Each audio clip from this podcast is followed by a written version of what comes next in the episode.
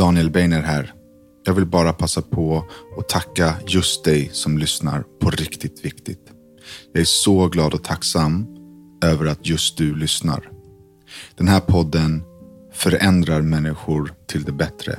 Den är så viktig. Och vill man så kan man stötta arbetet med Riktigt Viktigt genom att bli medlem på Patreon www.patreon.com riktigt viktigt. Som medlem på Patreon så får man tillgång till allt material långt innan det släpps i de vanliga apparna. Tusen, tusen tack för din tid.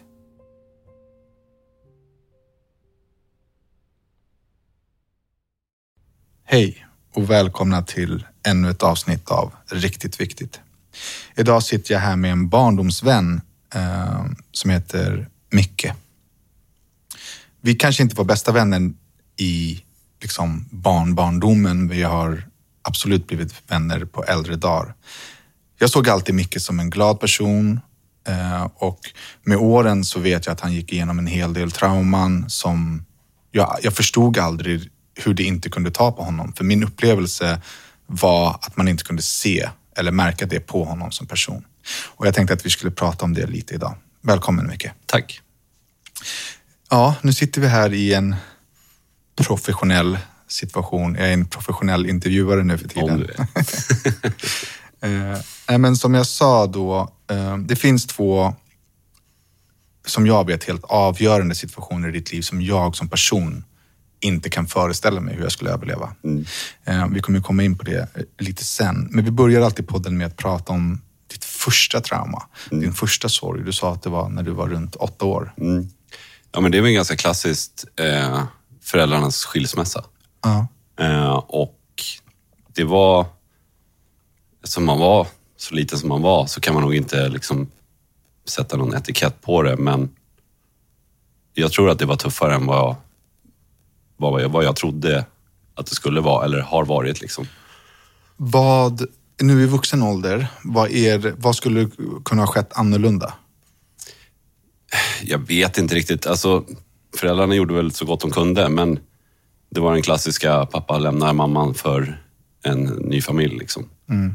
Eh, och då tar man ju per automatik mammans sida eftersom man bor hos henne. Då. Eh, så han var ju boven i dramat eh, i hennes ögon och i förlängningen i våra ögon. Mm. Den relationen har ju aldrig varit... Det har aldrig varit en far-son på det sättet som jag tror att man ska ha det. Eller som kunde, kunde Eller ha som varit? kunde ha varit, precis. Eh, utan det har alltid varit med lite distans, Ja. kan jag tro. Har ni en kontakt idag? Det har vi eh, och eh, periodvis har han varit jättebra stöd eh, genom livet. Men det känns som att det har varit mer på, på hans villkor än på barnens, om man säger så. I, I förra veckans avsnitt så eh, den, den personens första trauma var också skilsmässan och då upplevde hon då att föräldrarna försvann efter, efter skilsmässan. Allt var så tryggt och bra men så försvann föräldrar, eller så blev det skilsmässa, sen försvann föräldrarna. Eh, att de, in- ingenting fanns kvar så den människan hon, hon spårade helt och började festa och stöka. Liksom. Vad, vad tog du med dig av det eller vad hände hos dig i den, i den situationen? Nu var du lite yngre, åtta, det är ingen festålder direkt. Men... Nej, precis. Men det som jag såg var ju att våran mamma då, Marianne, eh, var ju den som... Alltså hon gjorde ju allt för oss. Alltså då menar jag allt. Vi snackar liksom jobba, jobba dygnet runt för att få det att gå ihop. Och tre grabbar, alla spelar hockey. Det är inte världens billigaste sport sådär. Men hon, alltså hon jobbar 24-7. Riktigt sån här ja, men vardagshjälte-grej.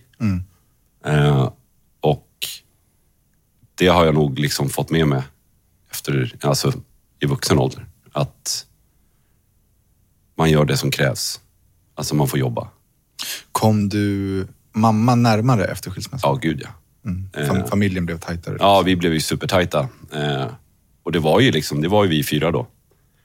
Eh, och sen så hade vi ju, det var ju varannan helg farsa liksom. Eh, men det var ju inte alls, det var väl kul. Han hade ju mer pengar än vad hon hade. Och då kunde man ju få coola grejer liksom. Eh, Uppskattade du det där och då? Då, ja. I efterhand så förstår jag nog att det är mer av alltså skuldkänslor kanske. Samvetesköp? Så, ja, men att du, du köper, man får köpa sina barn liksom. Eh, och det där har ju jag, jag ska inte säga att jag har anammat det, men jag har i förlängningen då inga problem att köpa vad som helst till mina ungar. Nej, alltså, var ju så borta. Ja, men så här, ja, det är ett skämt nästan. Men allt som man inte fick själv vill man ju att de ska ha såklart.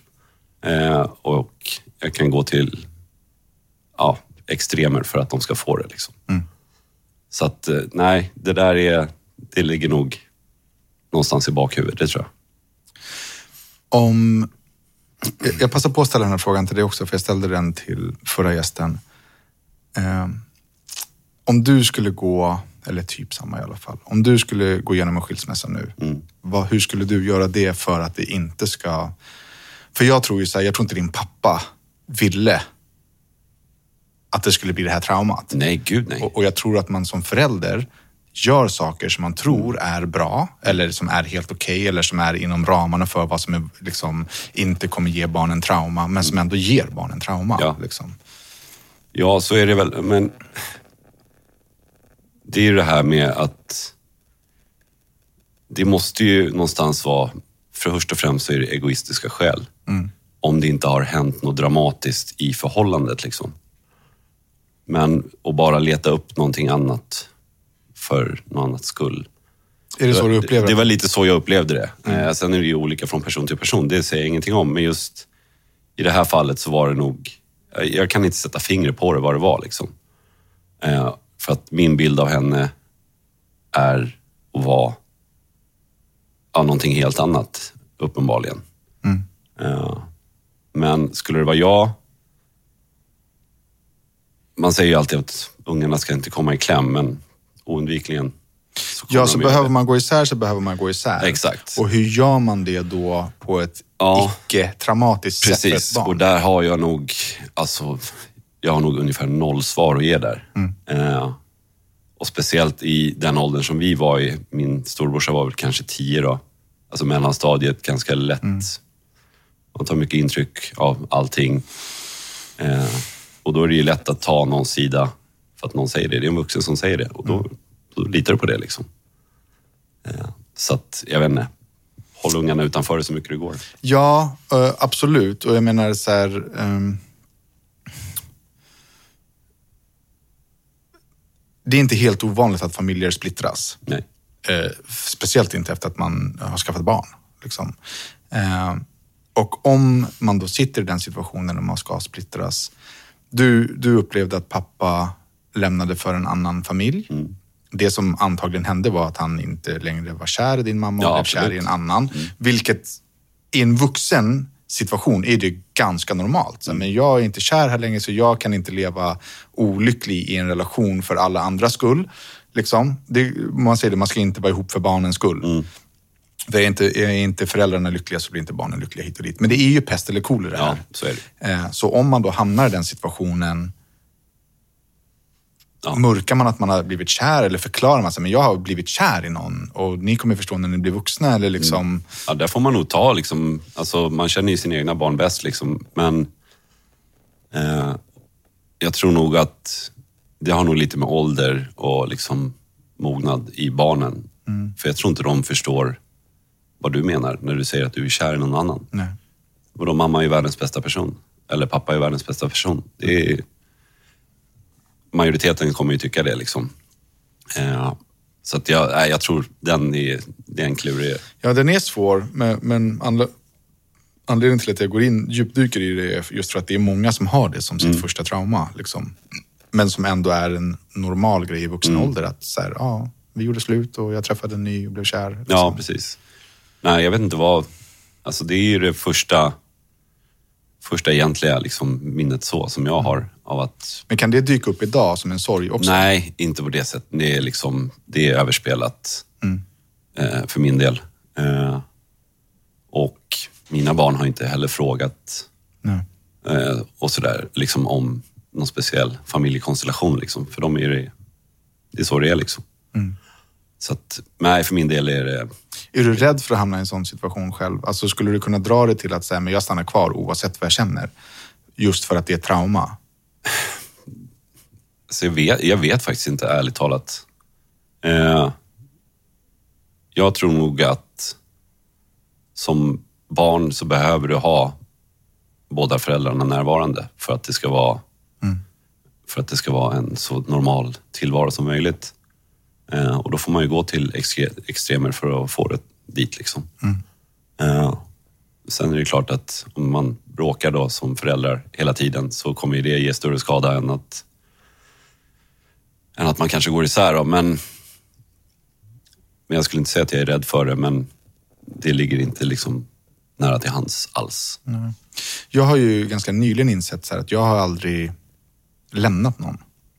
Även om jag varit i en relation som är så men det här är inte nice, så har jag inte gått därifrån. Ehm, och det håller jag fortfarande på att så här, reder ut vad det är. Ehm, nu är jag ju så pass gammal, i 40 år, eh, och, och liksom så pass medveten så att idag så skulle jag ju göra det.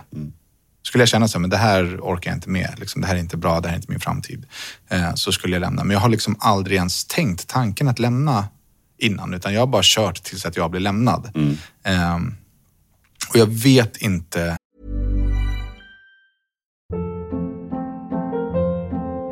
Hold up. What was that? Boring. No flavor. That was as bad as those leftovers you ate all week. Kiki Palmer here, and it's time to say hello to something fresh and guilt-free. Hello Fresh. Jazz up dinner with pecan-crusted chicken or garlic butter shrimp scampi. Now that's music to my mouth. Hello Fresh. Let's get this dinner party started. Discover all the delicious possibilities at hellofresh.com.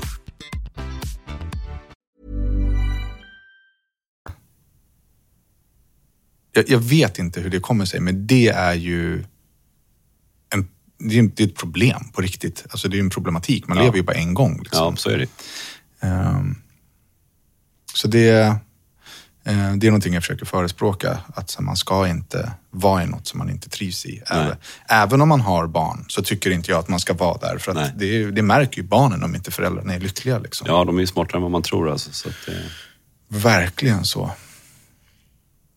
Okej, sen gick vi i skolan stundtals ihop. Jag, ja, jag var i skolan i alla fall. Du, jag blev det är så man ibland. jag blev lite runtflyttad. Eh, Jag har ju gått i sju olika skolor och sådär. eh, Runtkastad liksom. eh, Av diverse instanser och myndigheter. Jag var, inte, jag var ju inte ett bra barn. Liksom. Eh, Och jag hade inte rätt pedagogi, pedagogik från de vuxna. Alltså jag kunde ha varit mycket bättre om jag hade någon som såg och hörde mig för vem jag var och mina behov. Liksom. Men- det fanns inte Nej. på den tiden. Utan det var bara så här, han platsar inte in. Han, liksom. eh, så att jag satte mig i ett utanförskap. Alltså jag var ju jag var ung alltså. Fan, åtta, nio bast när, när liksom hela den grejen drog igång.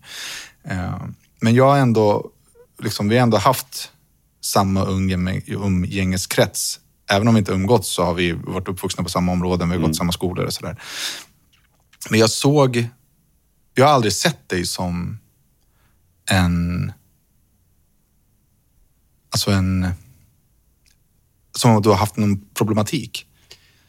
Och det är ju, det är ju alltså det är att jag dömer då, så. Men du har, all, du har alltid varit liksom glad, skön, liksom aldrig varit någon så här värsting som har hävdat dig för att liksom du ska bli omtyckt. Som jag, alltså jag, jag vill ju bli omtyckt för att jag var dum. Liksom. Nej, men förstår du vad jag menar? Ja, så jag, jag försökte hävda mig aggressivt och, och liksom oskönt hela tiden. Men du har bara så här lunkat omkring och varit... Det är min uppfattning liksom, och det, den kan vara helt fel. Men eh, jag har aldrig sett att du har eh, haft ett, ett, liksom en, en, en problematik med dig eh, och inte heller efter eh, olyckan som skedde sen när vi var lite äldre. Nej.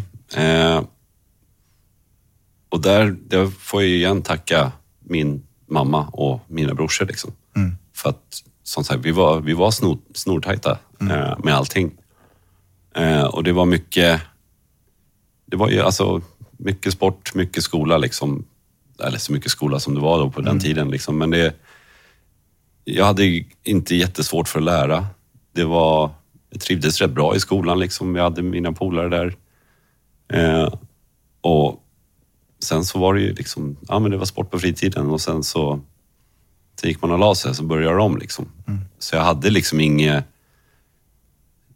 jag hade inget behov av att bli super, varken superomtyckt eller liksom fruktad eller liksom någonting. Alltså jag behövde inte hävda mig alls. Va, hade du någon, någon, någon problematik i skolan? Liksom, Nej. Ingenting som Ingen. inte fick dig att inte vilja gå dit? Eller? Nej, alltså det var egentligen ingenting som, som störde mig. Jag hade, som, jag hade ganska lätt för, för mycket. Eh, Så att man kanske tog det lite för lätt. Men annars så var det ju, gick ju dit för att träffa sina kompisar. Så, så var det ju liksom. Eh, Så utanför det sen så var det ju inte så mycket mer än att, ja, Det är ju, eh, alltså, jag höll på att säga orättvist, det är det inte. Det är jävligt befriande att höra, att, för det sitter ju självkänsla. Ja, och, Verkligen. Ja, såklart det gör. Och det är klart att som kanske 12-13-åring så var man väl inte skitsäker på sig själv när liksom rösten svajade, man växte en decimeter över sommaren och vägde 40 kilo. Liksom. Eh, men de som vi umgicks med, vi var inte speciellt dömande mot varandra. Vissa kanske. Här satt jag och, Ja, och, och, flimrar med ögonen. och flimrar med ögonen som att vi kommer från två olika världar när vi kommer från samma. Precis, och det är alltså för mig så, jag kan inte komma ihåg att det var så. Eh, alltså min upplevelse var inte alls att det var något liksom, att man blev utdömd på PGA-kläder eller vad det nu kan vara. Eh, så att, ja, nej jag har inte alls Nu- den bilden liksom. Nu kommer jag berätta en sak för dig eh, som du har varit delaktig i, i ett av mina liksom, så här, mest avgörande eh, situationer i mitt liv. Jag vet inte om du kommer komma ihåg det här, men eh, jag vet inte om vi går i sjuan kanske. Eh, vi går från då Bäckhagens skola där vi gick eh, på väg till centrum och då passerar vi SOS. Mm. Ja, ja, ja. den Mm. gula byggnaden bakom simhallen. Eh, och det är avspärrat.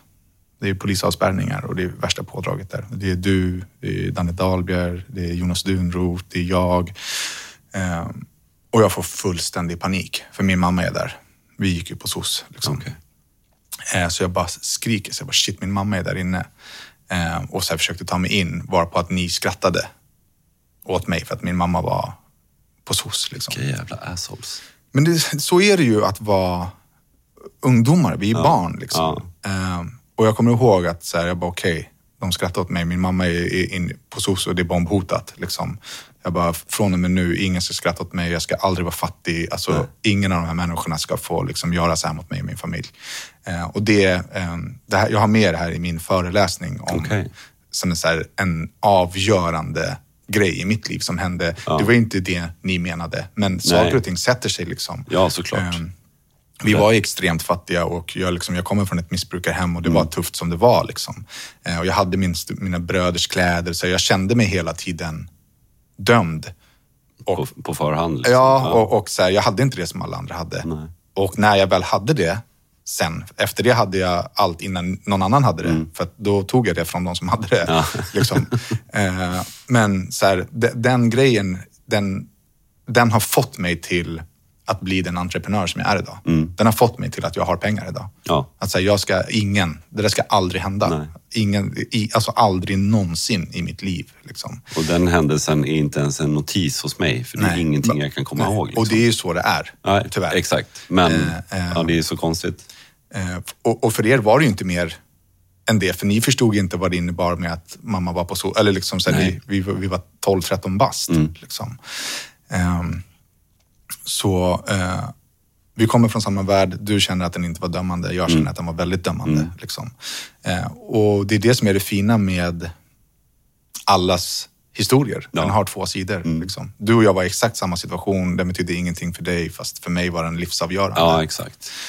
Ehm, jag hade ju mycket problem i skolan. Alltså, men jag, har ju- alltså, än idag har jag jätteproblem med min självkänsla. Alltså, jag, har inte, jag har inte koll på den överhuvudtaget. Den, den lever verkligen sitt egna liv. Liksom. Eh, det spelar ingen roll hur framgångsrik folk tycker att jag är eller hur mycket pengar jag tjänat eller vilka bolag jag driver. Mm. Det spelar ingen roll. Jag mår ju som jag mår på grund av mig själv. Ja. Jag är inte snäll mot mig själv. Liksom. Eh, och jag tror att det är viktigt för de som lyssnar att ta med sig att det är självkänslan. Mm. Liksom. Uteslutande, Ja, men det är verkligen det. Ja. Och jag, eh, jag, jag såg ett inlägg på Facebook häromdagen då jag satt och scrollade i mitt flöde och sen så är det någon sån här grupp.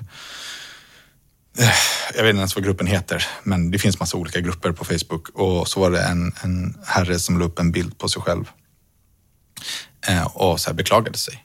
Att så här, jag har inga tjejer, ingen tycker om mig, bla bla, jag är tjock och ful. Eh, så jag skrev till honom. Bara så här, fan, jag, jag, skriver till honom och ser om han är mottaglig för vad jag skriver. Liksom. Och jag skrev då så här, jag har aldrig haft problem med tjejer. Jag har inte upplevt de problemen som du har. Men jag har upplevt andra problem på grund av min självkänsla. Eh, och så här, mitt bästa tips det är att så här, börja göra någonting för dig. Exakt. Förslagsvis kanske då, det, det är kanske är ett svårt steg att ta, men kampsport. För att det ger självkänsla. Du blir bra på någonting, du känner dig lite manlig, så här, hit och dit, bla bla. Han svarade tyvärr inte och så det, jag kanske var dum som gjorde det här. Men självkänsla är så jävla viktigt och jag, det är någonting jag har fått lära mig de senaste fem åren. Alltså, Ja. snack, snacka om scenutvecklingen. Alltså, på Ja, riktigt. absolut. Ehm, Men där tror jag också att just när du nämner Facebook, alla såna här sociala medier och sånt.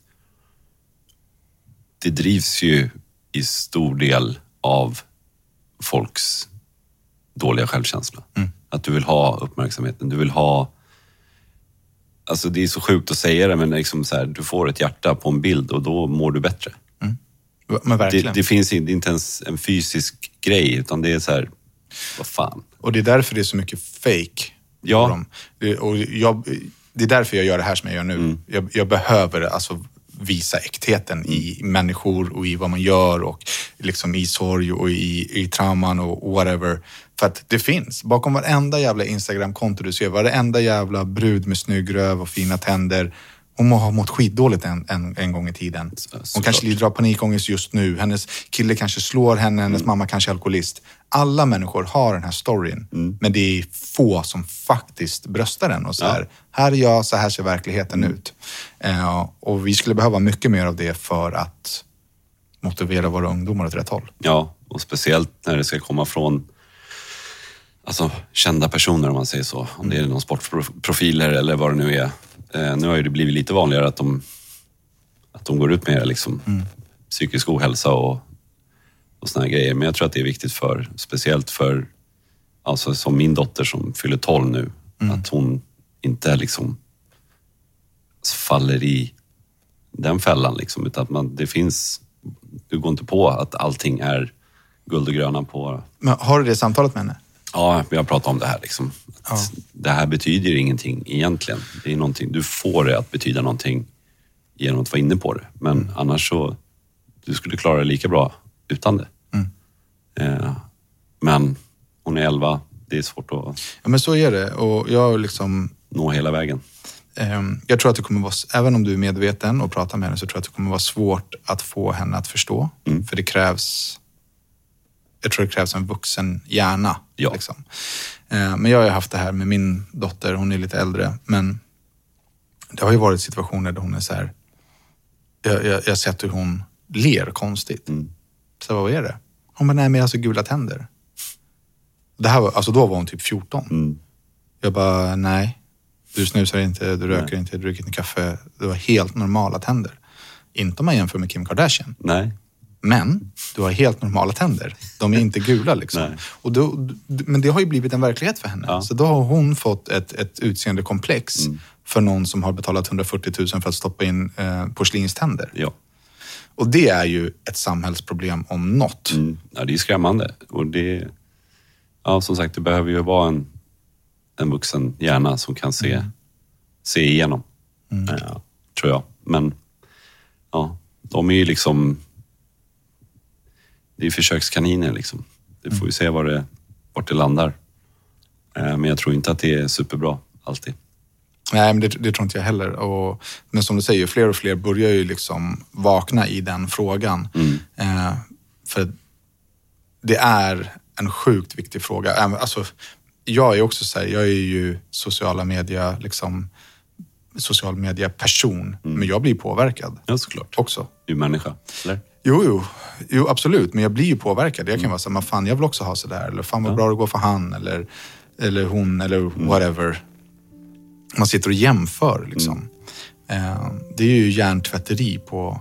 Nej men det är ju det. Ja. På hög nivå alltså. Extremt farligt.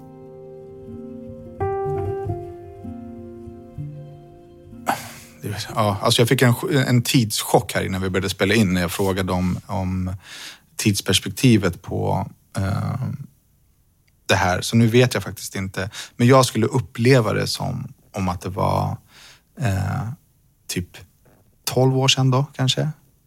14? Är det 14 år sedan? Mm. Så för 14 år sedan så... Eh, jag, jag vet inte, hur stod det här i relation till Linda?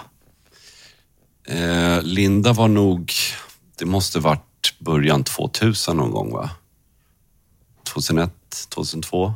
För jag vill minnas det som att det var ganska liksom nära varandra. Men det Ja, var, det var nog så här, det var fem, sex år emellan kanske. Okej. Någonting sånt. Vi har en gemensam barndomsvän som heter Linda som är eh, eh, tvillingsyster till vår gemensamma bästa vän, skulle jag säga, Jonas Dunroth, som gick bort i en, en trafikolycka. Eh, men okej, min, min minnesbild är i alla fall att de här avlöste varandra.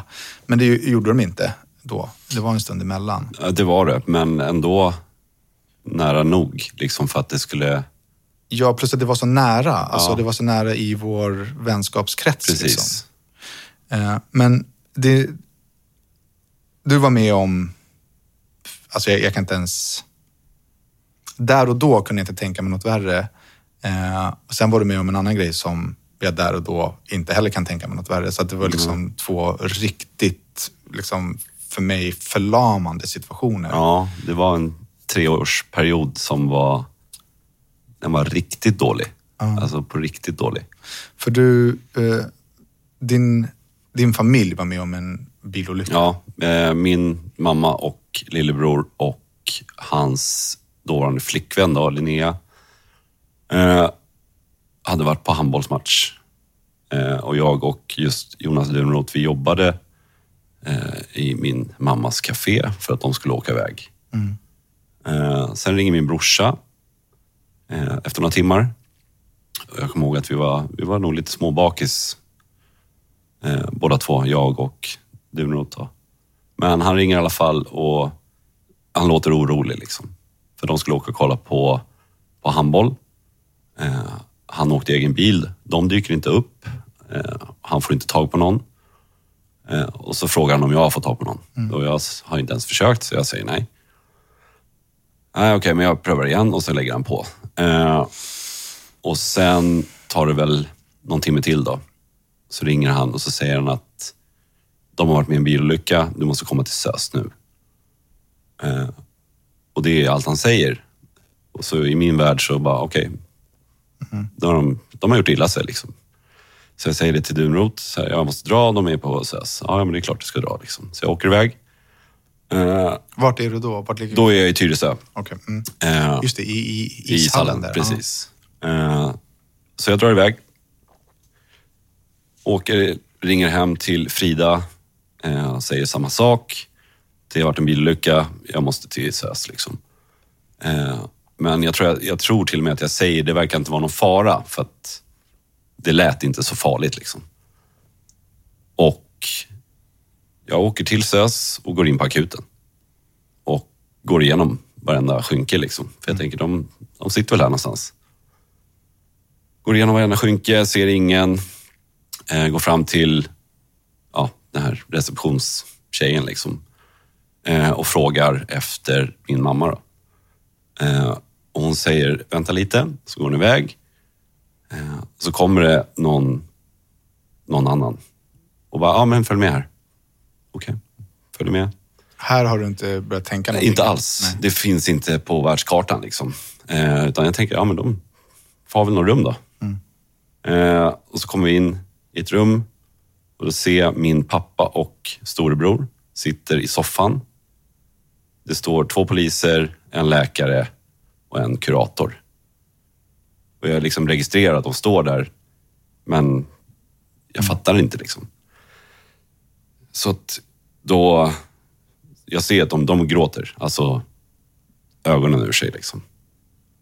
Eh, får inte fram ett ljud. Jag tror inte ens de noterar att jag står där. Eh, varpå att de stänger dörren bakom mig och så berättar ja, läkaren berättar då vad som har hänt. Eh, och då har de blivit påkörda i sidan eh, och Jimmy då, min lillebror, dör direkt. Alltså dirr. Eh, och min mamma, hon lever tills ambulansen kommer. Eh, men sen är det stopp liksom. Och jag frågar då först, vem är det? Det är det jag kommer ihåg att jag frågar. Och ingen säger något. Och jag tror att det är Jonas då, min storbror, som säger att det är båda. Men de var ju tre i bilen. Eh, men då får jag veta att Linnea lever fortfarande. Då. Men både mamma och Jimmy har gått bort. liksom. Och ja, vad gör man? Jag blir, jag blir så arg så jag vet inte vad jag ska ta vägen. Det är det första, alltså det är första känslor... Det är första känslan, alltså raseriutbrott liksom. Eh, så jag slår sönder väggen eh, och bara går ut. För att här sitter min pappa och storebror. Alltså, de ska ju ta hand om mig liksom. Och de är helt, de är vrak liksom. Så jag blir arg först på dem. För att jag är, jag är minst. Men hann du tänka så långt? Så jag är minst? Ja, liksom, ja. Det, och det gick fort. Det var så här, jag är minst. Alltså, och ni sitter bara där. Alltså jag blir arg för att, så här, hur kan ni vara så här... Inte veka, men hur kan ni liksom... Ni, ni ställer er inte ens upp när jag kommer in. Alltså, jag, var, uff, jag var så arg. Eh, så jag får ju skott ut då eh, av sjukhuspersonal. Så sätter jag mig bara utanför ingången till akuten. Liksom. Eh, och så bara, "Aj, men jag måste ringa till Frida liksom. Ja. Och jag ringer till Frida och hon svarar. Frida är din tjej. Det är min Fru, eh, sambo. fru sambo, mamman till mina barn. Mm. Och så säger det liksom att, ja, de har dött. Båda två. Och det är liksom helt, det är helt tomt liksom. Eh, varpå att hon börjar såklart gråta. Jag börjar gråta också. Eh, och ja, jag, vi, jag säger att jag ringer tillbaka liksom. Eh, så jag lägger på, går in igen. De sitter fortfarande kvar i soffan liksom. Eh, och ja, ingen, liksom, ingen gör någonting. Alltså någon måste göra något. Sen vad det är, det vet jag inte, men någon måste ju liksom... Det är din känsla? Alltså. Ja, någon måste agera, göra någonting liksom. Eh, så då frågar jag, och det här kommer jag också ihåg, om den som de krockade med lever. Ja, han lever. Ja, skönt. Det var inte alla liksom på en gång, typ. Eh, mer än så hade de inte liksom eh, att säga då. För då var det ju det var polisutredning. De hade blivit påkörda i hög fart liksom. Eh, varpå, ja, vi åker ju hem till, vi åker hem till min mormor av alla ställen. Och där samlas hela släkten. Det här är samma dag? Det här är samma dag på kvällen. Eh, och klockan var väl, jag vet inte vad klockan var när jag fick reda på det, sex på kvällen i november. Liksom. Så att det var mörkt ute. Jag vet att det var mörkt när vi åkte dit. Eh, vi fick skjuts dit av, av sjukhuspersonal. Liksom. Eh, och sen så var det väl liksom inte... Alla var ju såklart jätteledsna. Och sådär. Kände du fortfarande ilska eller hade du kommit över till så? Nej, då hade det nog då hade det gått över. Då var det bara tomt. Liksom. Alltså, så här, ja, men chock. Man bara satt och stirrade ut genom fönstret. Liksom. Eh, för att, Men förstod du det? nej, jag tror inte det. Inte på det. Alltså, jag hade ju inte sett någon. Nej. Någon sa till mig att de inte finns, men jag har inte sett någon. Bevisa motsatsen ungefär. Liksom. Eh, men det är klart att man vet. Men det vill inte, såklart inte vi tror på det. Liksom. Eh, och sen så sen är det ju ett töckel liksom, hela vägen. För att dagarna som går efter så är det, grejer som ska göras.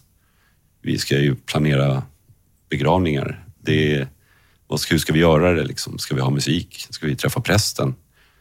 Har vi någon begravningsbyrå? Vem ska liksom ta tag i allt det här? Eh, och då kommer jag ihåg att jag var så jävla arg på min brorsa och farsa. För de gjorde ingenting. De var helt, ja men det, la, le, alltså lelösa. Det, de kunde inte göra någonting. Allt man fick var snyftningar och jag kände att de tyckte synd om sig själva. Eh, och där, där någonstans vid 26 års ålder så blev jag vuxen. För då var det liksom, ja men jag ringer till prästen. Jag fixar det med alltså begravningen. Eh, vi ser till att vi, där vi vill ha det här kapellet, vi vill göra si och så, vi ska ha den här musiken, vi ska göra det här liksom.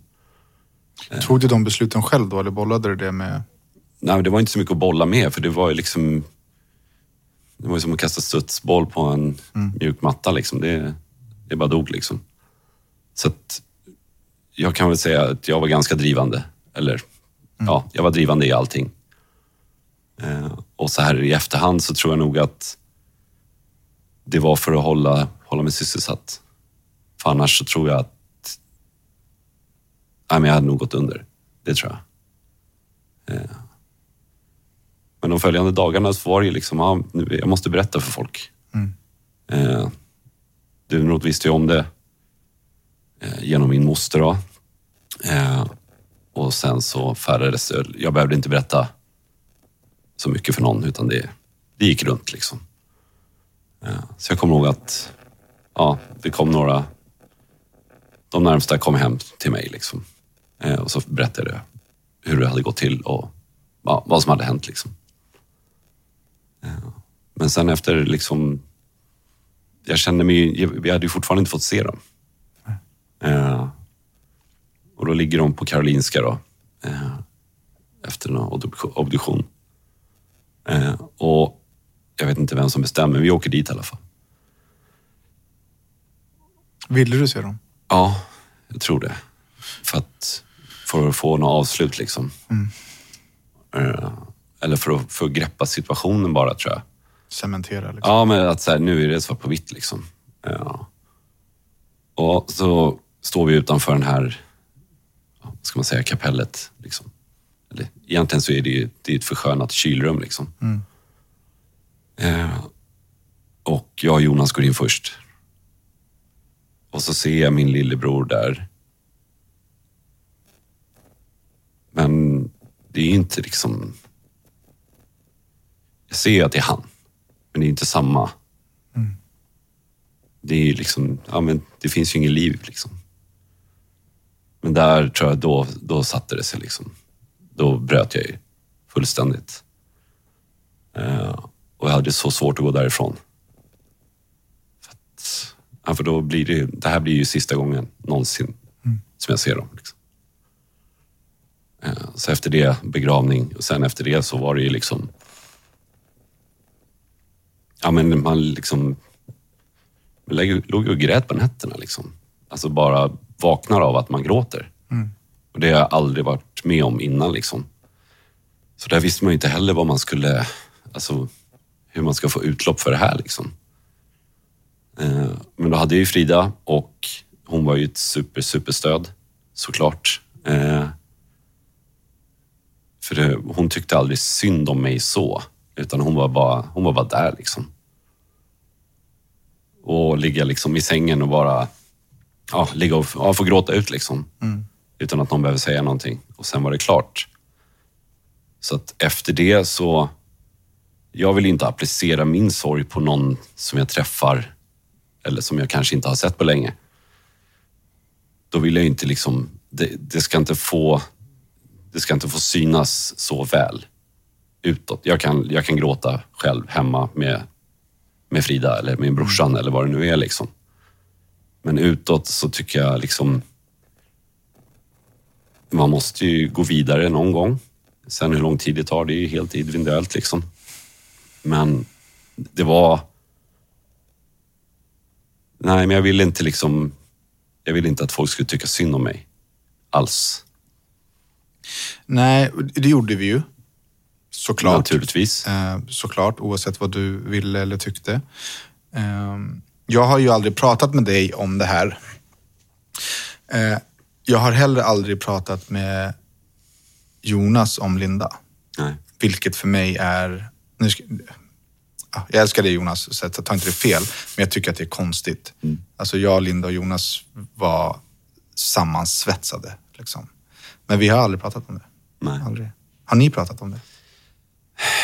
Nej, alltså vi har väl nämnt det just efteråt, för min del då, när, när de gick bort. When you're ready to pop the question, the last thing you want to do is second guess the ring. At Bluenile.com, you can design a one of a kind ring with the ease and convenience of shopping online. Choose your diamond and setting. When you find the one, you'll get it delivered right to your door. Go to Bluenile.com and use promo code LISTEN to get $50 off your purchase of $500 or more. That's code LISTEN at Bluenile.com for $50 off your purchase. Bluenile.com code LISTEN. Millions of people have lost weight with personalized plans from Noom, like Evan, who can't stand salads and still lost 50 pounds. Salads, generally, for most people, are the easy button, right? For me, that wasn't an option. I never really was a salad guy. That's just not who I am. But Noom worked for me. Get your personalized plan today at Noom.com. Real Noom user compensated to provide their story. In four weeks, the typical Noom user can expect to lose one to two pounds per week. Individual results may vary.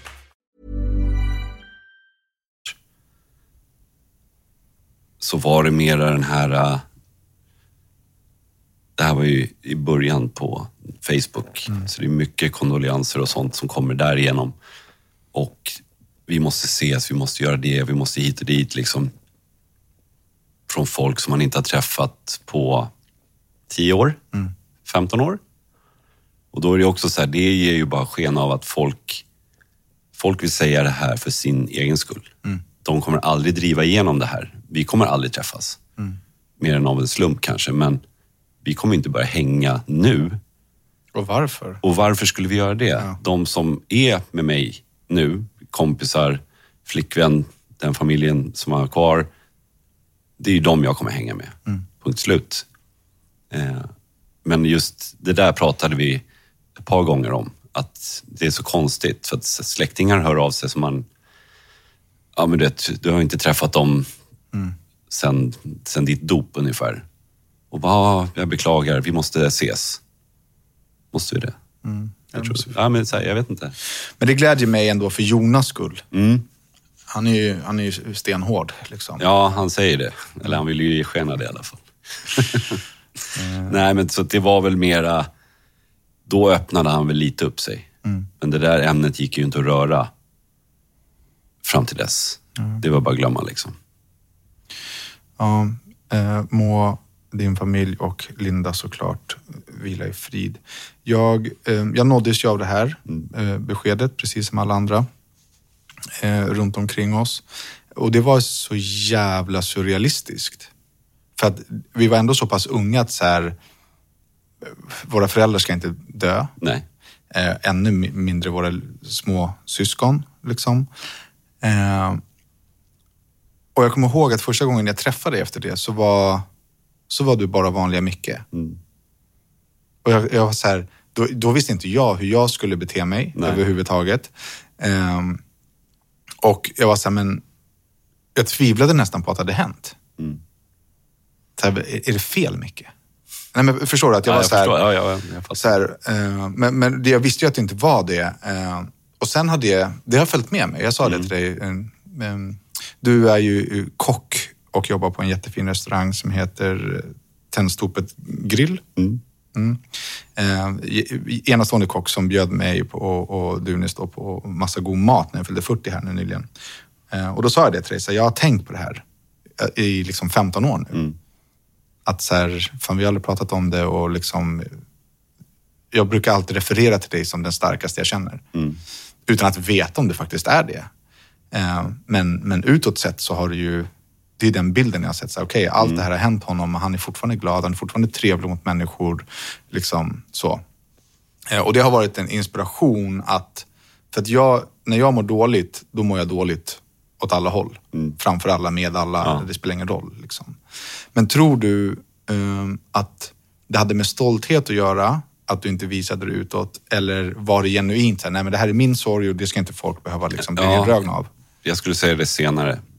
Det är helt Eh, magiskt. För att jag vet själv om man har träffat någon som har gått igenom något eh, och sen så någonstans så måste det finnas någon rimlighet i att man ältar saker. Att du, du tar upp det med allt och alla. Alltså du, ingenting är privat. Eh, och jag kan ju tycka att visst, det drabbade många den här grejen. Det gjorde det. Eh, men de som blev drabbade mest, det är ju, det är ju vi. Eh, och sen genom olika bekantskaper så blir folk drabbade i sin tur, men det är inte på samma sätt. Liksom. Och Det som jag har märkt är att om du går ner i fullständigt, du är så ledsen och du har sån sorg att det, det går inte, du, kan, du funktionerar inte dagligen så kommer folk dra sig undan. Eh, och det sker naturligt. För att ingen orkar. Men var du rädd för det? Var det det som fick dig Nej, tillbaka? men jag, jag skulle bara utgå från mig själv. Att här, jag skulle inte vilja, jag vill inte vara med mig om det här är allt jag möts av. Det måste finnas några ljusglimtar i det. Det är klart att jag var ledsen dagligen i flera år. Men det behöver inte folk, liksom, jag behöver inte kasta det i ansiktet på folk. Eller använda det som en föresats för att bete mig på något annat sätt. Alltså, förstår du vad jag menar? Att så här, jag mår dåligt för att det här har hänt. Alltså får jag frikort. Det funkar inte så. Eh, och det tror jag, en sån här grej som när det här skedde var att jag åkte till olycksplatsen. Själv. Eh, och det här var i Farsta strand, Skogås, motorvägen liksom. Eh, jag åker dit, det brinner ljus. Jag sätter mig ner, jag gråter. Men jag är fortfarande själv. Det brinner ljus som ni har tänt eller som... Ja, som någon har tänt. Okej. Eh, det, brinner ju, det här var några dagar efter. Liksom. Men jag kände att jag behövde, jag behövde åka dit. Eh, så jag gör det. Och så när jag åker dit så sitter jag där. Så tittar man ju runt omkring sig.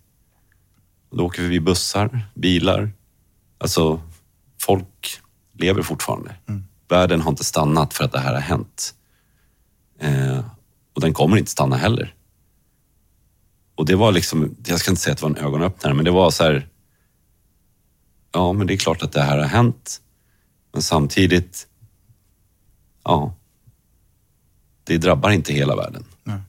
Eh, utan vi, vi får dela med det här och sen så får man, man får leva med det. Det kommer aldrig gå över, men du lär dig liksom.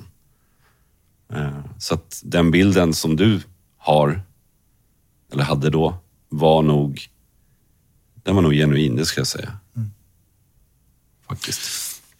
Kommer, ihåg, den enda reaktionen jag har sett kring det här hos dig, eh, och nu vet jag inte alls om jag liksom eh, eh, öppnar upp någon, någon onödig dörr, men eh, det kom ju fram att den här killen som hade kört den andra bilen jobbade på en av våra polares jobb eller något sånt.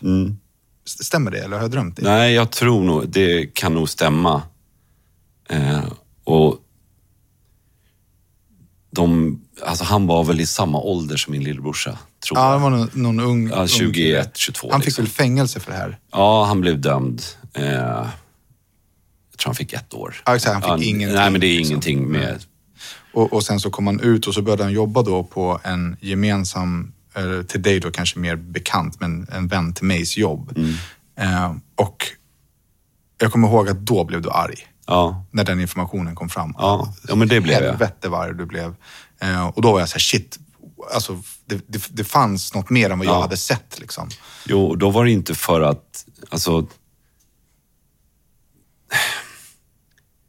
Hans, alltså det var nog byggt på att min första reaktion när jag fick liksom dödsbudet var att fråga hur det gick för den andra.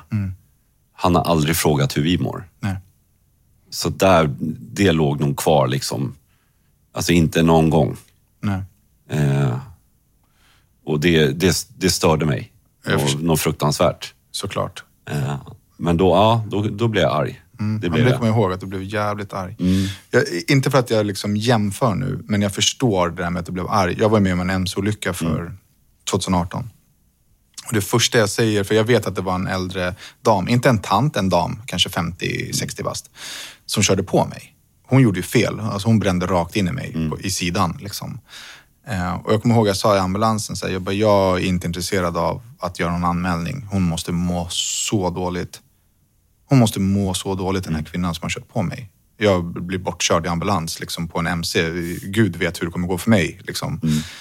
Eh, varpå hon har inte hört av sig. Nej, Inga blommor, kom inte till sjukhuset, inget förlåt, ingenting. nej. Ingenting. Och nu, det gick två, tre månader sen bara, jag ska stämma henne. Jag blev vansinnig. Mm, Såklart. Ringde polisen, gjorde allt. De bara, nej men alltså, det kommer inte bli något. Liksom. Det är bara att lägga ner. Jag blev så jävla arg. Jag, hon, hon skulle ha blivit av med körkort. Alltså hon gjorde fel, men jag skyddade henne för att jag satte mig in i hur jobbigt det skulle vara för Ja. henne. Liksom. Exakt. Och det är den liksom medmänskligheten som man kanske visar i det här fallet, när det inte slår väl ut, utan det slår tillbaka. Alltså, ja. Tror du att han skulle vilja men inte vågar? Nej, det tror jag inte. Tror inte han vill. Nej, jag tror att han... Jag tror, egentligen så tror jag ingenting. Jag, vet, inte- jag kommer inte ens ihåg vad han heter. Det är på den nivån. Jag, jag bryr mig inte alls om honom. Eh, uppenbarligen så lever han fortfarande. Eh, Och nu är det ju många år sedan han jobbade Ja. där, så det vet man ju inte. Men, precis, men uppenbarligen så... Han, vi, jag har gått vidare. Eh, och han har förmodligen gjort det också. Ja, jag skulle kunna tänka mig att det är läskigt att gå till en eh, överlevande familj och be om ursäkt. Mm. Men jag kan tycka att det är nog det största du kan göra. Absolut minsta också. Ja, och liksom du ber om alltså förlåtelse. Det är någonstans, ja men det är väl det, det mest mänskliga. För han, olyckan gick väl till så att han körde, Han körde in i dem. ja de kom från, alltså på en påfart. De körde en vänstersväng. Eh, han kommer, jag vet inte hur fort, eh, Men men, fortare än tillåtet, kör rakt in i sidan eh, och trycker upp hela bilen mot räcket. Liksom. Så att, ja, han körde fort. Eh, men det var också en sån här grej när det vart, det vart ju rättegång på det här. Eh, och det var ute i Södertörns tingsrätt. Liksom. Och helt plötsligt så var min pappa väldigt drivande i det här. Han måste se, han måste liksom, måste få, han pratar med tidningar, liksom, mycket, mycket publicitet liksom. Eh, och jag, jag har inget intresse alls av att åka till någon rättssal liksom. Jo men vi ska åka dit, alla ska dit liksom. Ja, ja. Så jag åker väl dit, är väl där efter första pausen liksom. Eh, Så kommer jag in, då sitter ju liksom, ja, våran sida då. Det är väl en 30 stycken som sitter där. Han har ingen, han har sin pappa bredvid sig. Han som körde bilen. Eh, ja, precis. Och hans advokat. Och det är ett barn. Det, är, det är ett barn, på riktigt ett barn liksom. Han är väl 20. Och då tänkte jag, jag tycker så jävla synd om honom. Eh, och då rann det av mig liksom. Det var, nej. Jag har ingenting här att göra. Det kommer inte påverka mig mot det bättre och inte mot det sämre. Eh, för, för mig spelar det ingen roll vad som händer med honom. Men då tyckte jag synd om honom. Så att, ja, jag åkte hem.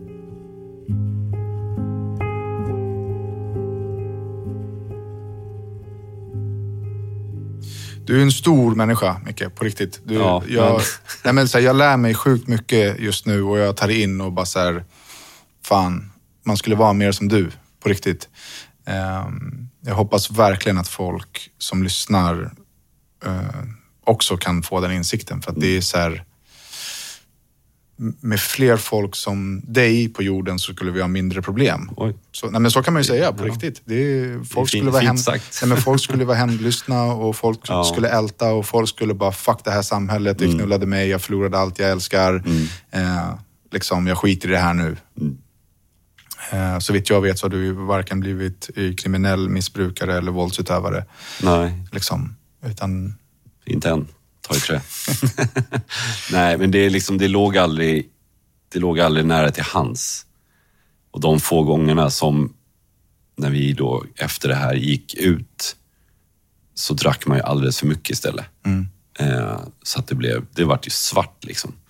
Och då tänkte jag, nej, det, jag kan ju inte det här. Jag kan ju inte dricka liksom. nej, men det, det är ju vida känt. Ja, Eh, att du säger, okej, men... eh, inte våldsamt eller något sånt där, men det, det spårar liksom. Ja, men sen, Micke ska med idag. Då är det så här, ja, ja, men då, Ja, då blir det vad det blir. Ja. Liksom. Men det var ju aldrig någon som klandrade dig. Alltså, det, det fattade man ju. Jag var ju snarare förvånad över att du inte liksom utagerade mer eller värre. Mm, ja. Liksom. Nej, men då var där kände jag väl liksom så här, det kommer inte funka liksom. Det, det blir inget bra för någon. Nej, och nu dricker du inte alls. Nej, knappt.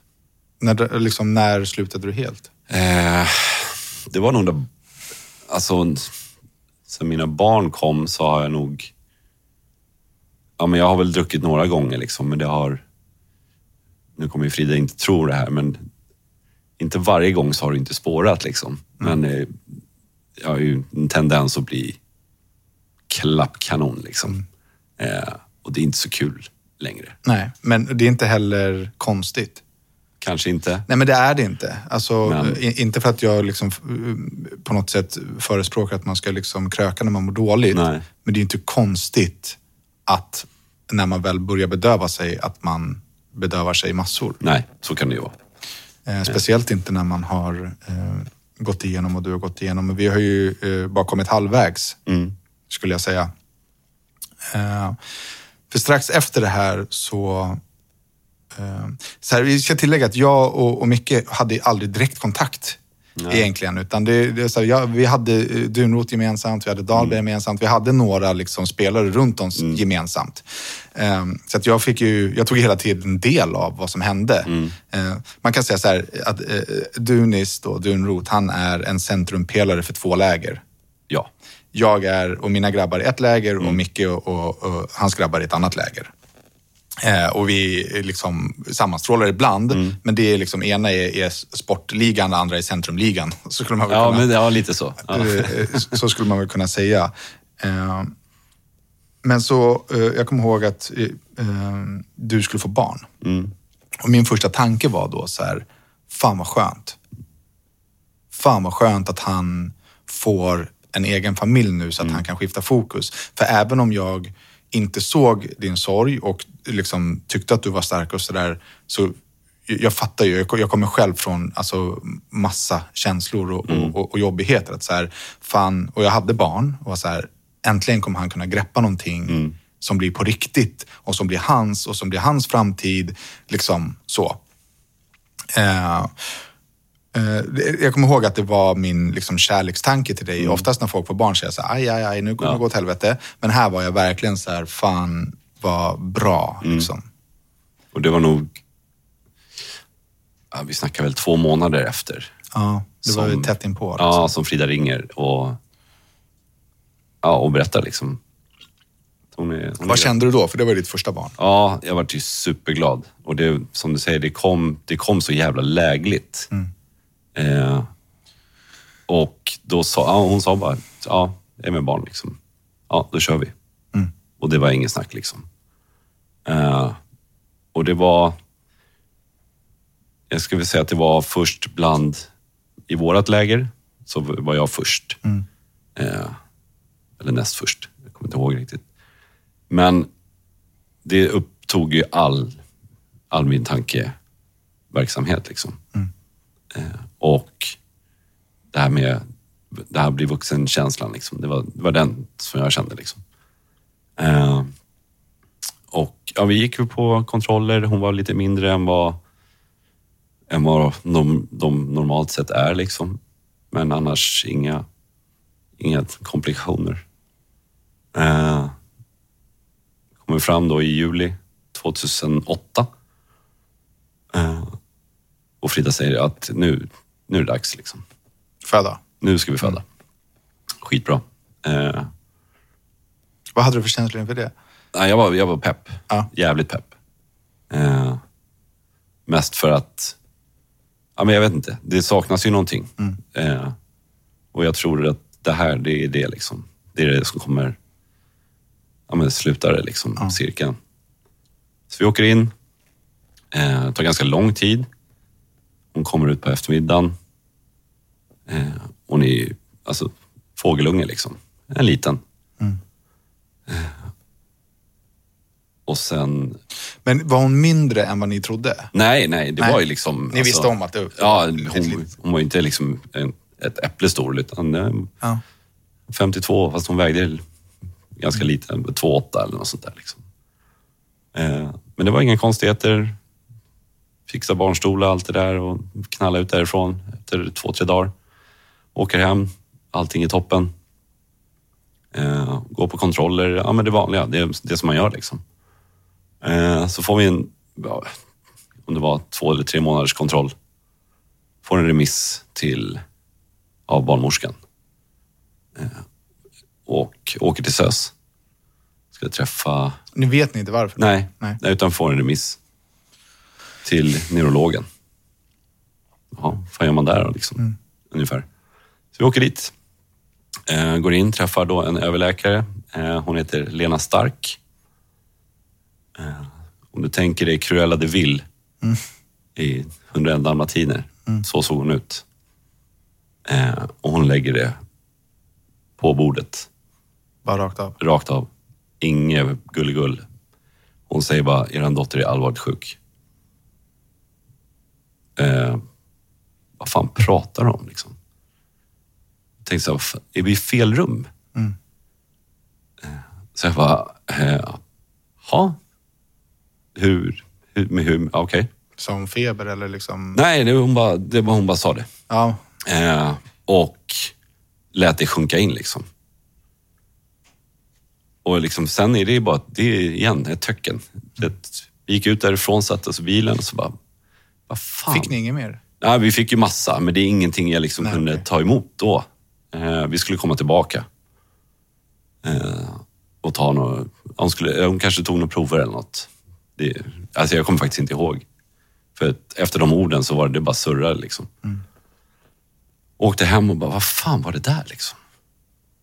Eh, och sen så jag bara, det, alltså hon var lite så här rörelsenedsatt i benen. Eller liksom, Svag typ. Ja, men precis. Så jag tänkte så här, ja, det, det är väl något sånt då. Eh, så vi åker hem. Eh, så kommer jag ihåg att Frida visade någon video från kanske två månader före. Där det är full rörelse. Och så liksom, jag ser det här på, på telefonen. Liksom. Jag kommer ihåg att jag stod på balkongen och då började jag bli orolig. Liksom. Alltså riktigt orolig. Eh, så kom jag på en grej eftersom vi inte visste. Eh, och hon sa ingenting förrän ja, provet var klart och sådär. Eh, så hade inte jag försäkrat, vi hade ingen graviditetsförsäkring. Så jag, försöker- då går jag in och fyller i en försäkring, skickar in den. Får ju svar två dagar senare att försäkringsförfrågan avslås eh, för att de misstänker SMA. Så då går jag in, googlar. Spinal muskel. Kom du på att du skulle få svar på vad det var? Ja, men alltså, för då kommer de aldrig och då kanske man får någonting. Liksom. Okej, ja. Eh, så jag googlar spinal muskelatrofi. Och det är en dödsdom, rakt av. Eh, det finns två olika varianter. Liksom. Och båda har samma utgång? Eh, det beror på när de upptäcks. Eh, men sam, det är ingenting man kan ta in heller. Liksom. Det står på en skärm och då, alltså, lägg av liksom. Eh, så då åker vi tillbaka då. Jag kan inte säga tidslinjen, men det är inom, inom någon vecka. Liksom. Eh, åker tillbaka och vi har med oss Fridas mamma då, Ellen. Och sen så går vi med barnvagnen och det är, vi blir ledda i korridorer bort liksom. Och det är så jävla bekant, för det här hände mig för mindre än ett år sedan. Ingen säger något, utan man bara, man bara går. Och det blir mindre och mindre folk runt omkring. Eh, så, så, det är en smygande känsla liksom. Eh, samma sak, då kommer hon, Lena då, stark. Och hon, ja, hon lä lägger down the law om man säger så. Då. Hon säger hon kommer dö här. Och då svartnar det igen. Eh, Frida bryter ihop. Eh, hennes mamma gråter. Jag ställer mig upp. Eh, och det enda jag vill är liksom, jag vill ha sönder saker. Eh, och jag går ju lös på inredningen där inne. Eh, men det går över till någon sorg istället. I samma situation? Ja, alltså för att jag kommer ihåg att jag slog, slog sönder någon spegel. Eh, och gick ut och gick in i ett rum mitt emot Och satt på sängen där. Och du vet, ja, jag var så ledsen så jag visste inte vad jag skulle ta vägen. Eh, och så kommer in någon sjuksköterska. Och det var samma sak där. Då fick jag lite eskort liksom, av sjukhuspersonal för de trodde att jag skulle göra illa folk. Liksom. Eh, men så var det inte. Eh, och hon, Lena Stark, berättade då, de misstänkte det SMA då. Eh, och det var, ju, det var ju det som jag trodde också. Eller trodde, det var det som jag hade läst mig till. Liksom. Och det, det är en muskelsjukdom som gör att musklerna slutar funka. Eh, tidslinje är väl ett år ungefär. Okej. Hon är tre, fyra månader. Det är liksom, vi har, ja, vi har åtta månader kvar. Det är det jag tänker liksom. På sin höjd. Eh, Så vi åker hem därifrån. Eh, Och så ska vi in på flera kontroller. Och jag vet att vi kommer hem och det är klart att vi är ledsna. Men det är liksom, det har inte hänt nu nu. Nej.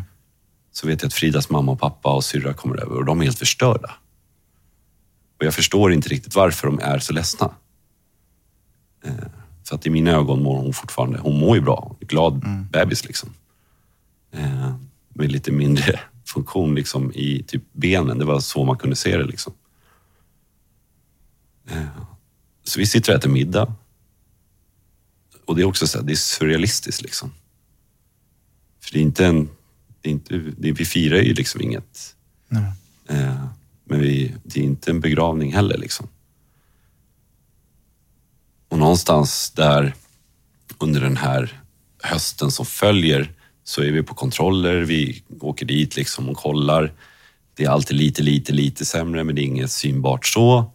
Eh, Hon kan avgöra det. Hon överläkaren där.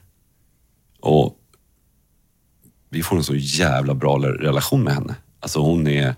Lena Stark. Ja. Eh, nu vet jag inte om hon lever fortfarande, men om hon gör det och skulle höra det här så var du guld. Alltså guld. För att jag aldrig liksom, det var aldrig något... Nej men det var aldrig något fluff runt, utan hård, rak, ärlig och ja, bara rakt igenom ja, vanlig människa liksom. Och jävligt kompetent såklart. Eh, men vi är där veckovis. Liksom åker in och kollar, åker hem. Eh, så visar det sig att hon blir lite mer då... Lite mer... Eh, alltså immunförsvaret är inte hundra liksom. Och då är det ju... Ja, vi vill ju såklart inte ha så mycket folk runt omkring oss. Eh, så vi, är vi är mycket hemma liksom. Eh, och och... Ja, Frida är mammaledig. Jag jobbar på en stund.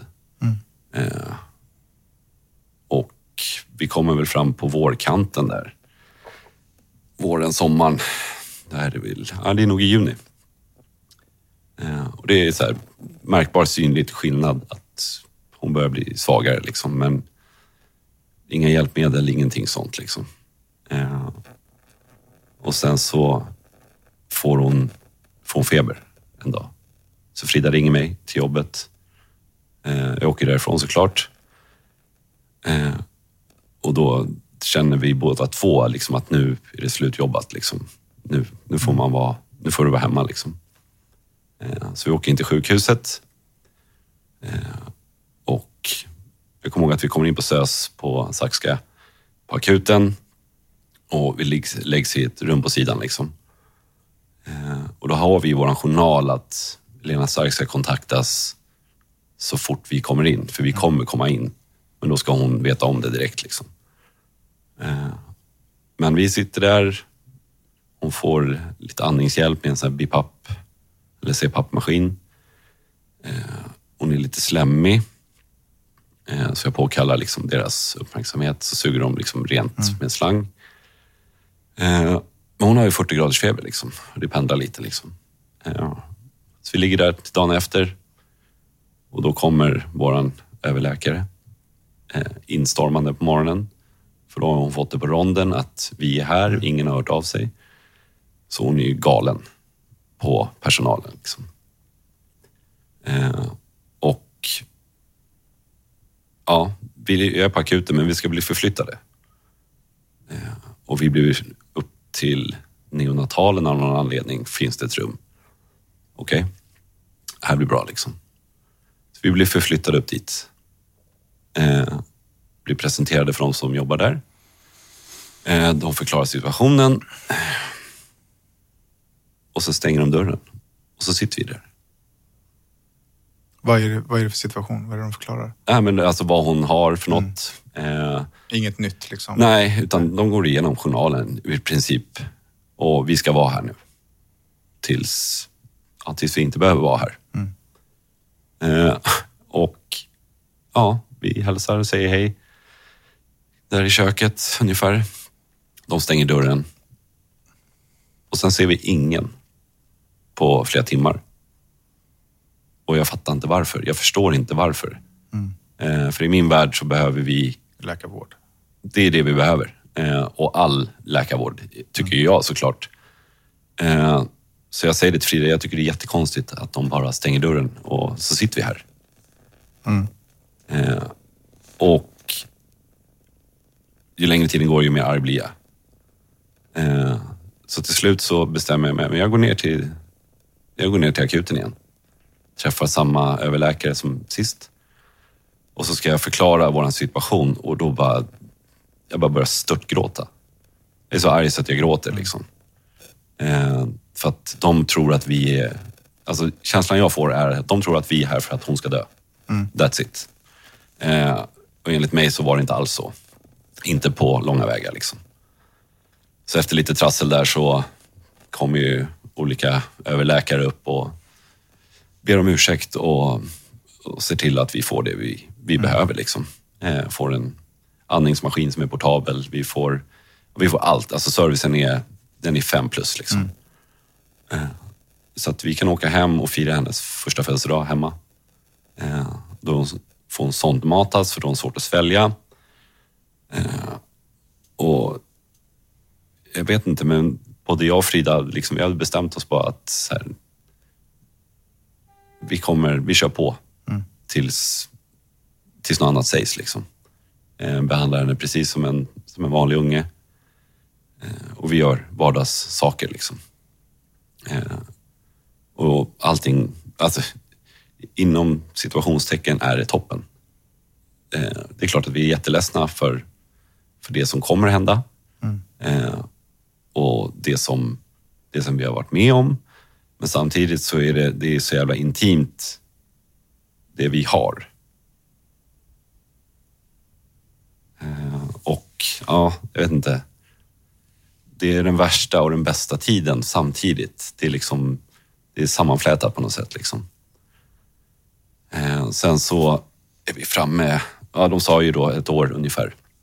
Eh, hon fyller år, inga tydliga liksom, jättetecken så. Eh, och sen så kommer vi fram till, ja, vi är framme i september kanske. Eh, så blir det en,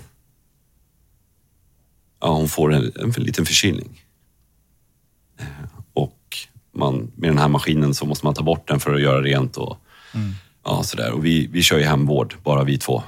Vi ingen sjukvårdare, ingen sånt. Vi kör själva liksom. Det funkar skitbra. Tills vi lyfter av den där en dag och det blir andningsstopp. Eh, och ja, det blir hjärtstopp liksom. Och jag kommer ihåg det så väl för att det kändes som att det tog hur lång tid som helst innan man reagerar och liksom får arslet ur vagnen. Så jag skriker till Frida att hon ska ringa ambulansen. Eh, Jag sliter av den här masken och så börjar jag göra kompressioner och ja, mun mot mun liksom. Eh, Och jag vet inte, det tog inte alls lång tid. Men det störtade in två sjukvårdare genom ytterdörren liksom. Eh, Och då har jag fått igång henne. Shit. Och de tar med henne på bår med maskin, Frida, allting, hoppar in i ambulansen och så åker de. Och jag kommer ihåg att jag står där eh, och bara, nej men jag, jag, jag kör själv liksom. Det, det är lugnt. Jag kan, jag kan åka bil liksom. Bara, men fast du åker med oss, inget snack liksom. Eh, Så att jag hoppar in i bilen, åker dit. Eh, jättemycket folk. Eh, hon mår förhållandevis bra. Och vi står där inne i den här operationssalen. De opererar ju inte eller någonting utan de bara ser till att luftvägarna är fria och sådär. Liksom. Och så vet jag att det kommer fram då hon specialistläkaren och frågar hur vi vill göra. Vad menar du liksom? Ja, men om det händer igen, hur vill ni göra? Och det beslutet är så här... jag bara, gör vad ni kan. Funkar det så funkar. Gör det inte det, ja, då får det vara. Eh, Och där var vi jävligt överens, liksom, jag och Frida, att får ni inte... Vi ska inte tvinga till, alltså, Nej. för våran skull. Och hon ska inte lida i onödan. Eh, Som tur var så hände ingenting då. Eh, Så det var liksom ingen... Vi var där några veckor till, fick en helt egen avdelning. Egna sjuksköterskor, bland annat en som heter Agneta. Eh, Och hon blev typ vår bästa kompis. Hon var så jävla grym. Eh, Så vi är där hela hösten, fram och tillbaka. Det blir jul, det blir, liksom, det blir nyår. Det blir lite sämre hela tiden, men inget märkbart.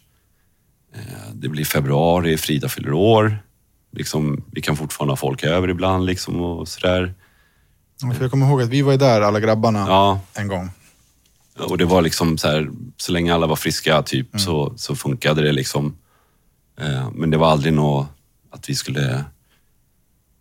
Vi ville inte ha det som att det var någon uppvisningsexemplar liksom. Så här, kolla hur tufft vi har det.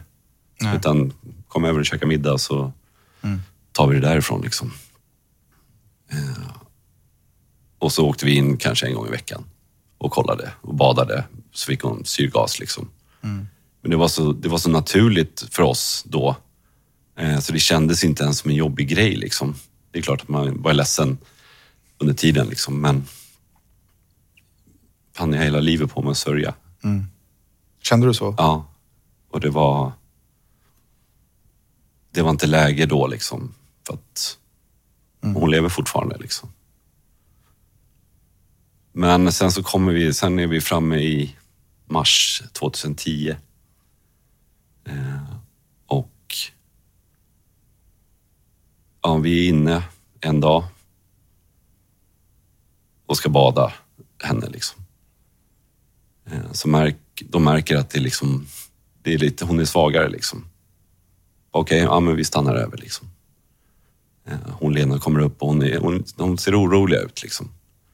Eh, Men jag tror att vi båda två, vi var nog så trötta liksom. Så man kan inte ta in allt hela tiden liksom, utan det, ja, vi sitter på det här rummet liksom.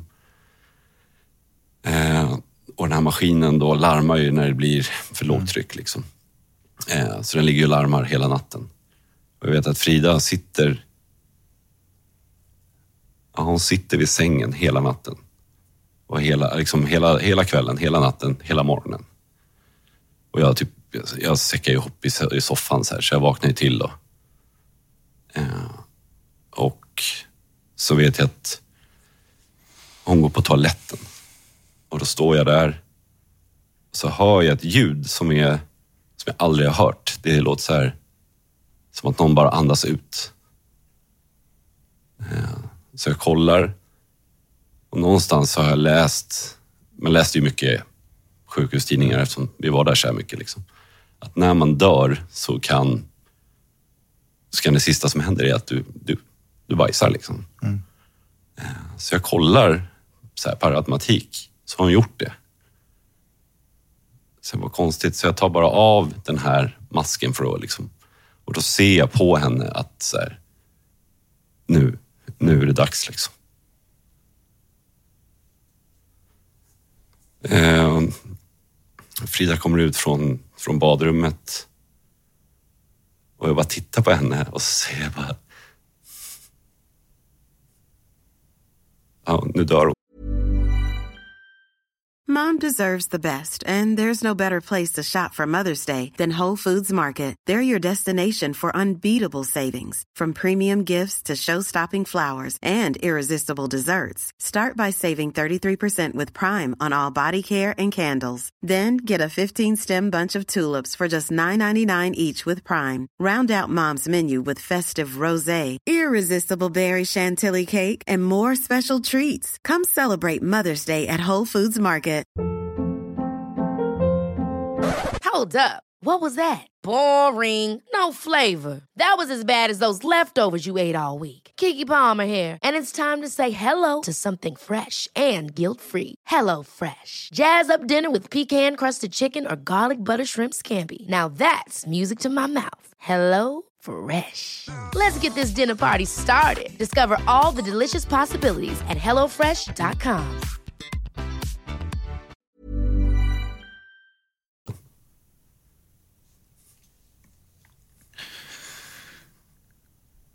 Eh, och Frida, jag får panik.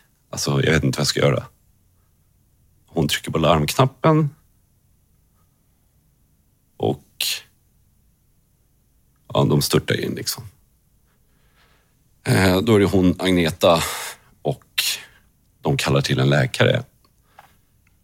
Och Agneta, hon, hon gör en bra grej liksom för att hon sliter av henne alla apparater, allting. Och så ger hon henne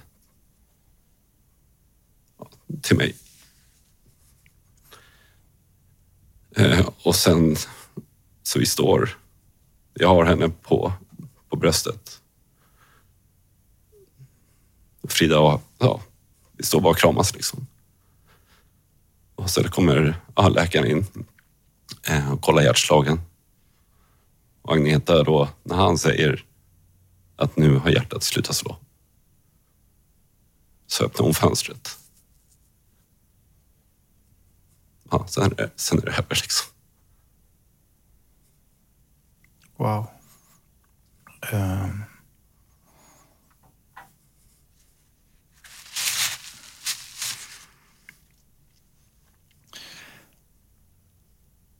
Jag har en känsla av att du ändå inte tycker att ditt liv har varit orättvist.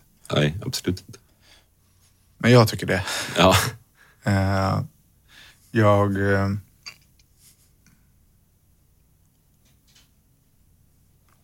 jag förstår inte. Alltså, på riktigt så förstår jag inte hur du är den människan du är idag. Det är beundransvärt. Alltså, Ja. den, den, så som du pratar om det här och liksom hur du, dina insikter under, under de här åren. mm. Ja, Det är stort. Det, det är stort. Det är... ja. Det är orättvist. Alltså, ingen förtjänar det här, men du förtjänar inte det. Nej, det tycker inte jag heller. Eh, men samtidigt så... Jag vet inte, utan... Alltså utan Frida så hade det aldrig gått. Aldrig. Nu har ju ni fler barn. Ja, vi har två barn. Eh, de är 11 och 8. Var du rädd för att skaffa fler barn? Ja, eh, men det som var med den här SMA-sjukdomen är att det är en, den är ärftlig. Mm. Så att man gör, fick göra kontroller. Okej, i tidigt skede. Liksom. Ja, precis. Eh, så en gång funkade det inte. Och då var, det, då var de tvungna att avsluta.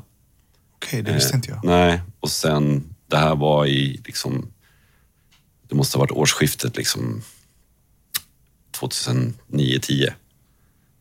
Eh, och sen efter allt det här så visar det sig att Frida är gravid igen. Och de ringer från sjukhuset och jag ser på henne eh, hur glad hon är. För att jag, får, jag hör ju inte, men hon hör ju. Och så får vi det svart på vitt att det, det är lugnt, det är grönt. Hon mår bra liksom. Eh, Och då är vi liksom, ja, april, maj kanske. Eh, Så hösten 2010 så föddes vår dotter Do. Och då var det ju... Ja, det var ju magiskt liksom, igen. Sen så följde vi upp det med en, med en sladdis 2013. Okej. Eh, och där är vi nu. Har, eh, jag, jag, eh, lyssnarna vet ju det här såklart för att jag tjatar om det varje avsnitt, men jag lider ju av hälsoångest. Och inte bara för mig själv utan även för andra. Liksom, oroar du dig för dina barns sjukdomar? I början med Lo så tror jag nog att vi båda två letade liksom tecken. Jag tror inte vi tog det riktigt för en sanning, att det, att det var lugnt. Eh, men sen så visade det sig att frisk som vilket barn som helst. Eh, så att det tog väl något år, sen släppte det. Men just när det kommer till vanliga sjukdomar nu så jag tycker inte ens det det är inte ens en notis hos mig. Nej. Utan allting är, ja, det är lugnt. Det är lugnt. Inga problem. Det kan vara trippelmagsjuka med sprutdiarré liksom. Ja, då är det så. Det är, det är lugnt. Eh, och sen med Lilly så var det också, det var bara svart på vitt att det här är, det är lugnt. Vi, vi kör. Och tar i trä så är de ytterst sällan sjuka. Någon utav dem. Du har liksom lyckats vända de här grejerna till styrkor. Eh, Jag har ju också, folk säger om mig att du har lyckats vända din, dina trauman till styrka. Liksom så här, den SOS-incidenten till exempel har ju blivit en styrka för mig.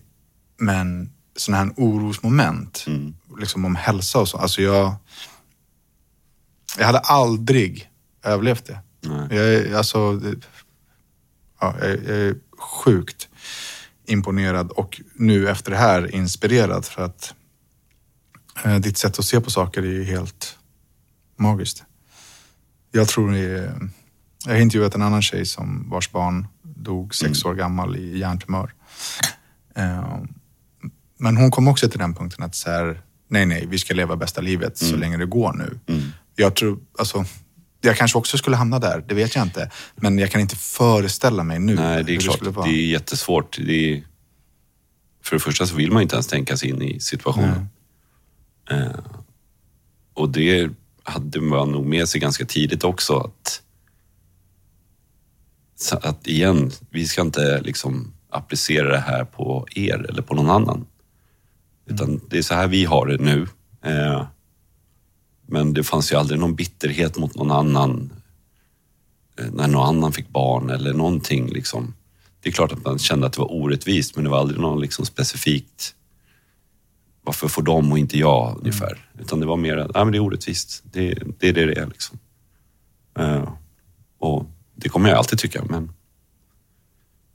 ja. Fan, eh, jag är glad och stolt och tacksam över att du har varit här idag och delat. Eh, Tack själv. extremt eh, tungt. Alltså det är tungt att lyssna på eh, eh, och jag förstår att det är ännu tyngre för dig. Men livet blir bra. Det blir det. Eh, så Alltså det blir bra. Jag men- menar, nu har vi, jag är inne på, jag vet inte vilket avsnitt det här är, men så här, livsöden, det blir bra. Mm. Den dagen det inte blir bra så dör man och då, och då spelar det inte egentligen någon roll Nej, längre utan nej. det blir bra. Eh, vill man eh, så blir det bra. Det. Det, och det är lättare sagt än gjort, Mm. absolut. Men det här är levande bevis. Alltså, Micke, du är ett levande bevis för att det spelar ingen roll hur tuffa motgångar man har. Livet är, är inte slut förrän så att det är slut. Nej, exakt. Och det finns ju två vägar att gå. Jag valde den andra. Mm. Vi kunde ju ha... Och du har valt den gång på gång också. Ja, precis. Eh, och medvetet så. Mm. Eh, så det är lätt att skylla på allt, allt annat runt omkring och bete sig på ett visst sätt eller göra på ett visst sätt. Men det är inte rättvist mot någon annan. Liksom. Eh, Tusen, tusen tack mycket. Tack själv. Eh, Och till er som lyssnar så hörs vi nästa vecka. Tack.